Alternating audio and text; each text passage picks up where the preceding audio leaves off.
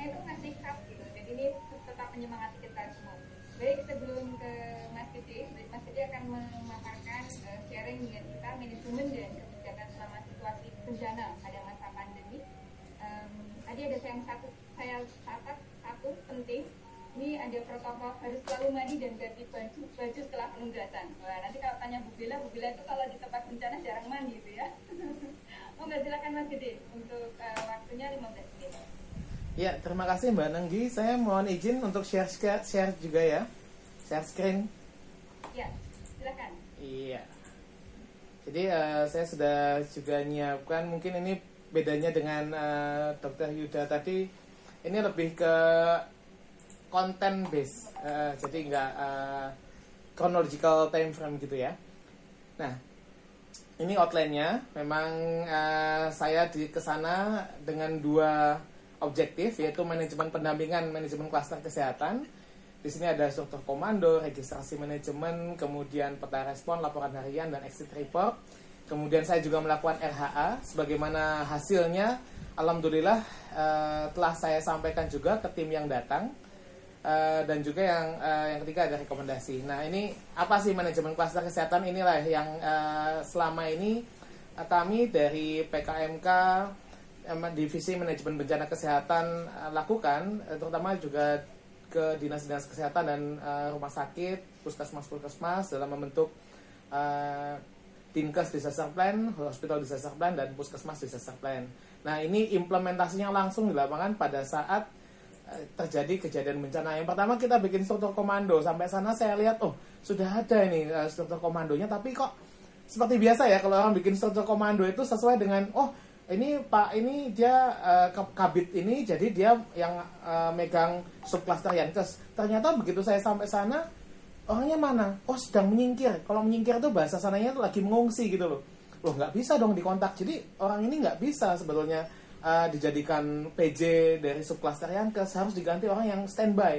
Akhirnya kita rombak ulang. Jadi uh, biar teman-teman nanti seperti salah satunya uh, Dr. Yuda dan tim uh, pelayanan kesehatan datang sampai di sana itu nggak bingung salah-salahan. Itu yang paling sering terjadi di hari-hari awal uh, gempa gitu ya. Apalagi sudden onset disaster seperti gempa maupun misalnya jeblok gitu apa uh, erupsi ya Nah ini jadi uh, di sana yang pertama saya lakukan adalah um, bukan bikin, tap, bukan menyusun, tapi uh, bagaimana struktur komandonya itu sesuai dengan uh, orang yang ada di lapangan, sesuai dengan kapasitas yang ada. Uh, ini kemudian saya uh, jadikan uh, bagan seperti ini. Jadi yang atasnya itu karena pada saat saya datang itu sudah ada tadi ya uh, Pak Budi Silvana dari uh, pusat krisis, kemudian ada jajarannya Pak Rahmat, Pak Budiman Dr. Jaya, Mas Manggala, Pak Albert itu udah ada di sana dan masing-masing memberi instruksi kepada uh,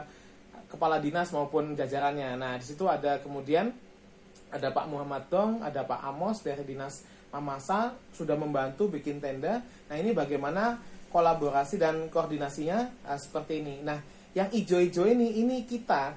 Jadi kita itu dalam artian um, Pokja Bencana masuknya di situ bersama dengan tim komposit dengan komposit manajemen dengan teman-teman dari Universitas Tadulako. Jadi ternyata dari FKM Tadulako dia bawa juga uh, mahasiswa dan mahasiswi. Nah, ini yang bikin uh, imun meningkat juga ya. Jadi rahasia bahagia gitu di sana. Ada untuk mendata relawan, kemudian uh, melakukan peta respon, Uh, membuat peta respon, notulensi, jadi hal-hal kecil remeh-temeh yang mungkin orang nggak kepikirkan pada saat bencana itu kita yang lakukan. Jadi pada saat mereka selesai uh, rapat klaster dengan relawan semua sudah ada notulensinya, apa yang ada di notulensi itu kemudian jadi rencana tindak lanjut dan dievaluasi di rapat uh, kemudian harinya. Nah itu yang saya mendapatkan banyak masukan untuk RHA dari situ. Kemudian juga ada laporan harian nanti akan saya jelaskan bagaimana kemudian Mbak Vivi dari tim AHS ini sangat membantu sekali dalam uh, laporan harian terutama untuk teman-teman Public Health Emergency Operation Center dan juga ada tidak lupa logistik jadi semua akuntabel dan kita tim manajemen bencana yang membantu akuntabilitas uh, dari penanganan bencana ini di klaster kesehatan.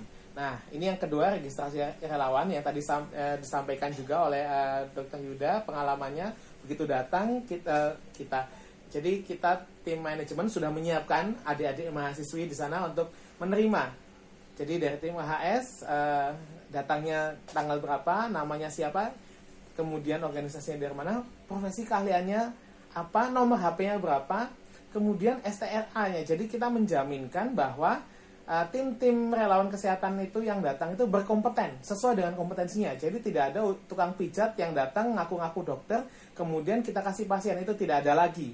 Dulu pernah ada seperti itu. Uh, nah sekarang tidak ada karena dibuktikan dengan STR. Jadi kalau misalnya masih mahasiswa kedokteran dengan uh, benderanya TBM, tim bantuan medis, nah itu uh, perlakuannya akan beda. Kecuali mereka disupervisi sama eh, dosennya atau yang sudah dokter nah seperti itu. Nah, kemudian yang kedua karena ini pandemi apakah layak bekerja? Dibuktikan dengan swab hasil swab antigen. Minimal itu atau uh, PCR juga boleh. Kalau tidak ada kebetulan kita di klaster kesehatan sudah koordinasi juga dengan BPTKL PP Makassar menyediakan swab gratis kita akan ke sana swab dulu kalau sudah aman baru uh, silakan uh, bekerja bersama dengan tim yang lain di pengungsian seperti itu. Dan ini pemetaan yang paling penting seperti tadi disampaikan juga bahwa di sudden onset disaster ini uh, banyak tim-tim yang datang di awal-awal. Nah, ini kita bisa lihat pada tanggal 20 Januari itulah uh, kedatangan tertinggi dari tim uh, relawan kesehatan. Nah, kalau yang hijau ini tim dari pemerintah dan yang uh, biru ini dari NGO.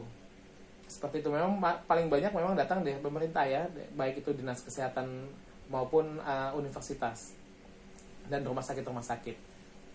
Nah, ini digunakannya buat apa? Digunakan untuk laporan uh, dari Dinas Kesehatan Kabupaten yang kiri Mamuju, yang kanan Majene. Memang sedikit yang datang ke Majene karena daerahnya susah. Kemudian uh, ininya juga uh, tidak terlalu banyak uh, korbannya karena populasinya sedikit. Nah, ini yang penting pada saat kita punya data registrasi relawan, kemudian dari Dinas Kesehatan ada yang butuh uh, menggantikan tenaga organik. Kita bisa sort langsung di Excelnya itu yang dibutuhkan apa? Dokter spesialis bedah. Oh, kita lihat di sana onsite pada tanggal 20 waktu itu yang ada 21 maaf, uh, yang ada di lapangan ada 4 dokter spesialis bedah. Jadi uh, kita bisa trace langsung, kemudian kita telepon dan kita perbantukan di uh, fasilitas kesehatan yang membutuhkan seperti itu. Nah, yang ketiga peta respon. Nah, ini mungkin yang ditunggu-tunggu juga. Ada salah satu peserta di sini yang menunggu juga. Jadi bagaimana sih peta respon ini kemudian saya tampilkan peta respon yang disusun oleh Dinas Kesehatan baik itu Mamuju maupun Majene. Jadi uh, gunanya kami tim manajemen itu adalah membantu Dinkes Provinsi uh, dan juga Dinkes Kabupaten untuk memetakan kapasitas pelayanan kesehatan yang terdampak. Dan uh, kapasitas relawan kesehatan yang ditugaskan. Jadi agar matching antara kebutuhan di lapangan di fasilitas kesehatan yang terdampak dengan relawan yang datang dari luar daerah. Kemudian kita petakan juga vulnerability-nya titik-titik pengungsian yang terdapat di uh, area pos pelayanan kesehatan beserta situasi kondisi wilayah. Karena pada saat kita petakan itu ternyata harus ke sana itu harus dengan helikopter. Wah, itu setengah mati. Kita sampai ada bantuan dari IOF, Indonesian Off-Road Federation itu ya, uh, mereka udah bawa jeep jeep itu kalau wah Pak Hendro ke sana itu mungkin malah ikutan IOF itu uh, bukan ke rumah sakit kayaknya itu jadi sampai uh, mereka sampai mau masuk desa pun nggak bisa gitu loh harus dioper lagi dengan motor trail sampai yang ketiga jalan kaki uh, besoknya akhirnya ada helikopter masalahnya helikopternya itu nggak menjemput jadi orang baliknya juga harus dengan jalan kaki nah ini hal-hal uh, seperti ini yang harus kita petakan yang pertama itu, yang kedua juga di sana ada uh, yang tadi kita sudah bikin di strukturnya itu ada semacam penanggung jawab klaster kesehatan namanya Pak Saleh. Pak Saleh ini mengerti semua situasi di lapangan. Masalahnya nggak ada yang bantu dia. Jadi kita harus memvisualkan informasi yang ada dalam kepalanya si pengelola klaster kesehatan itu. Bagus kalau misalnya pengelolanya lebih dari satu orang. Jadi Nah, tapi kalau cuma satu orang, nah itu agak susah karena tiap nggak tiap hari diupdate-nya. Itu informasi numpuk, numpuk, numpuk. Dan ini adalah kenapa kenapa kok saya datang ke daerah bencana tuh bawanya peta sama sticky note sama spidol. Nah, ini untuk mengeluarkan, mengekstrak informasi keluar, jadi kayak pensif gitu ya kalau di Harry Potter itu ya. Jadi kita ngambil informasi dari kepalanya Pak Saleh ini, kita tulis, kemudian ditempelkan di peta. Jadi pada saat ada tim relawan yang datang dia lihat ke peta itu oh di sini daerahnya seperti ini yang rusak seperti ini kemudian susah dijangkau oh saya seperti itu nah itu itu tugas de, mengapa kita penting sekali untuk memiliki peta respon dan juga peta respon ini uh, selain untuk mempersempit gap layanan kesehatan juga mendekatkan korban bencana ke fasilitas pelayanan kesehatan yang ada. Karena memang isu-isu tentang covid kemudian uh, gempa susulan uh, promkes-promkes seperti ini perlu dikuatkan lagi. Jadi orang tuh tidak uh, serta merta tidak mau kembali ke uh, pelayanan kesehatan. Oh uh, tidak mau dirujuk. Jangankan pengungsi yang memiliki uh, penyakit ya atau pengungsi yang membutuhkan pelayanan kesehatan tenaga puskesmas maupun tenaga rumah sakitnya aja masih banyak juga yang tidak mau kembali bertugas. Nah ini emang uh, seperti itu kondisi yang di sana dan kita uh, mencoba mengkoordinasikan tim-tim relawan kesehatan untuk bisa uh, memvisualisasikan dan memberikan informasi tambahan di uh, informasi tersebut. Memang idealnya itu pemetaan resiko, pemetaan peta respon itu dipetakan sesuai dengan uh, wilayah kerja puskesmas biar lebih uh, detail lagi. Kalau di sini kita bisa lihat itu posyandu posyandu karena tadi seperti yang dokter Yuda sampaikan handing overnya ke siapa? Handing overnya ke bidan setempat. Nah dan atau uh, ya petugas uh, perawat yang melayani puskesmas itu karena uh, karakteristiknya di sana puskesmasnya tutup tapi dokternya itu melakukan pelayanan mobile dia keliling. Dan hal seperti ini juga harus dipahami oleh teman-teman dari relawan kesehatan. Takutnya mereka mana ini? Pengungsian kok pengungsiannya cuma sedikit ya? Ah muspro ini. Terus dia pindah lagi. Nah padahal uh, kalau karakteristiknya di topografi Sulawesi Barat yang agak susah ini medannya memang seperti itu. Apalagi ada covid lagi jadi dia nggak mereka nggak berani uh, bikin pengungsian yang banyak-banyak tapi kecil-kecil dan memang ada effort dari tenaga kesehatan untuk keliling jadi inilah pentingnya ada peta respon jadi melihat oh petanya di sini di sini di sini seperti itu Nah ini uh, beda pendekatan. Kalau bikin peta responnya sesuai yang tadi saya katakan sesuai dengan titik-titik pengungsian, uh, titik pengungsian kan mobile. Apalagi ada hujan, kemudian longsor. Wah itu kalau di sana itu longsor tuh kerap apa sering banget terjadi. Jadi titik pengungsiannya pindah lagi dan pengungsiannya kecil-kecil. Mungkin ada 10 kakak, 4 kakak yang dekat-dekat aja yang mereka kenal satu sama lain karena kalau nggak kenal mereka takut menerimanya juga. Nah, jadi banyak yang kosong-kosong kalau misalnya uh, di plottingnya itu peta responnya sesuai dengan titik pengungsian. Makanya kita arahkan ini di situasi di Kabupaten Mamuju bersama dengan Pak Haji Burgan ini ke, ke ketua hariannya. Ini pemetaan peta responnya sesuai dengan pasienkes. Jadi puskesmasnya mana, kemudian wilayah puskesmas itu kira-kira ada berapa pustu, ada berapa bidan, dan mereka tahu nggak ada pos pengungsian yang besar yang butuh layanan kesehatan? Kuncinya di uh, pengungsian yang butuh layanan kesehatan. Kalau nggak butuh sih eh, eh, mungkin itu untuk uh, dinas sosial untuk ngasih bantuan ya seperti itu. Nah ini laporan harian.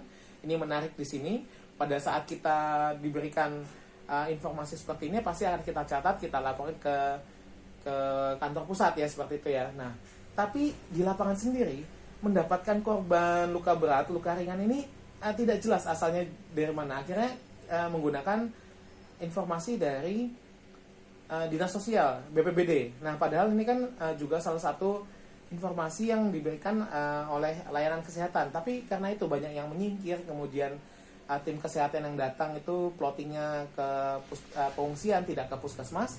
Informasi seperti ini menjadi kabur jadi uh, under reporting, kemudian sumber informasi yang tidak konsisten, karena sumber daya tidak ada, tidak yang melaporkan. Kemudian ada definisi operasional luka sedang. Itu kalau di Mamuju, eh, di Majene ada luka sedang.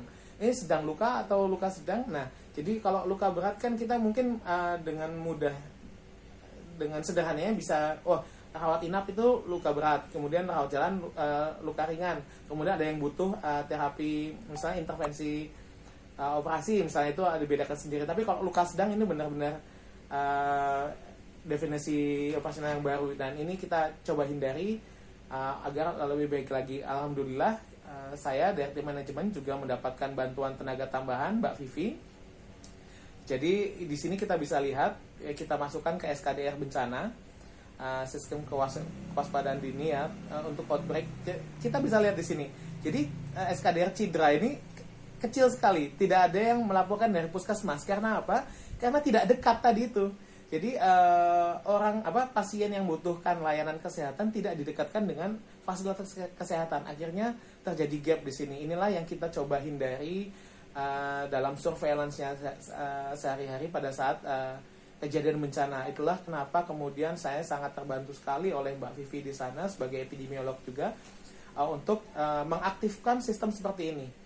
Jadi mengaktifkan uh, sistem uh, pencatatan penyakit. Nah, ini uh, kita coba mengurai permasalahan laporan data pasien. Jadi uh, tim-tim relawan kesehatan uh, seperti yang tim dari AHS itu tadi uh, mendapatkan gambaran. Oh, saya harus keliling ke mana? Nah itu saya sampaikan juga ke Dokter Tomo dan uh, Dokter Yuda pada mereka datang briefing. Dok, ini ada enam puskesmas di Memuju dan tiga puskesmas di Majene.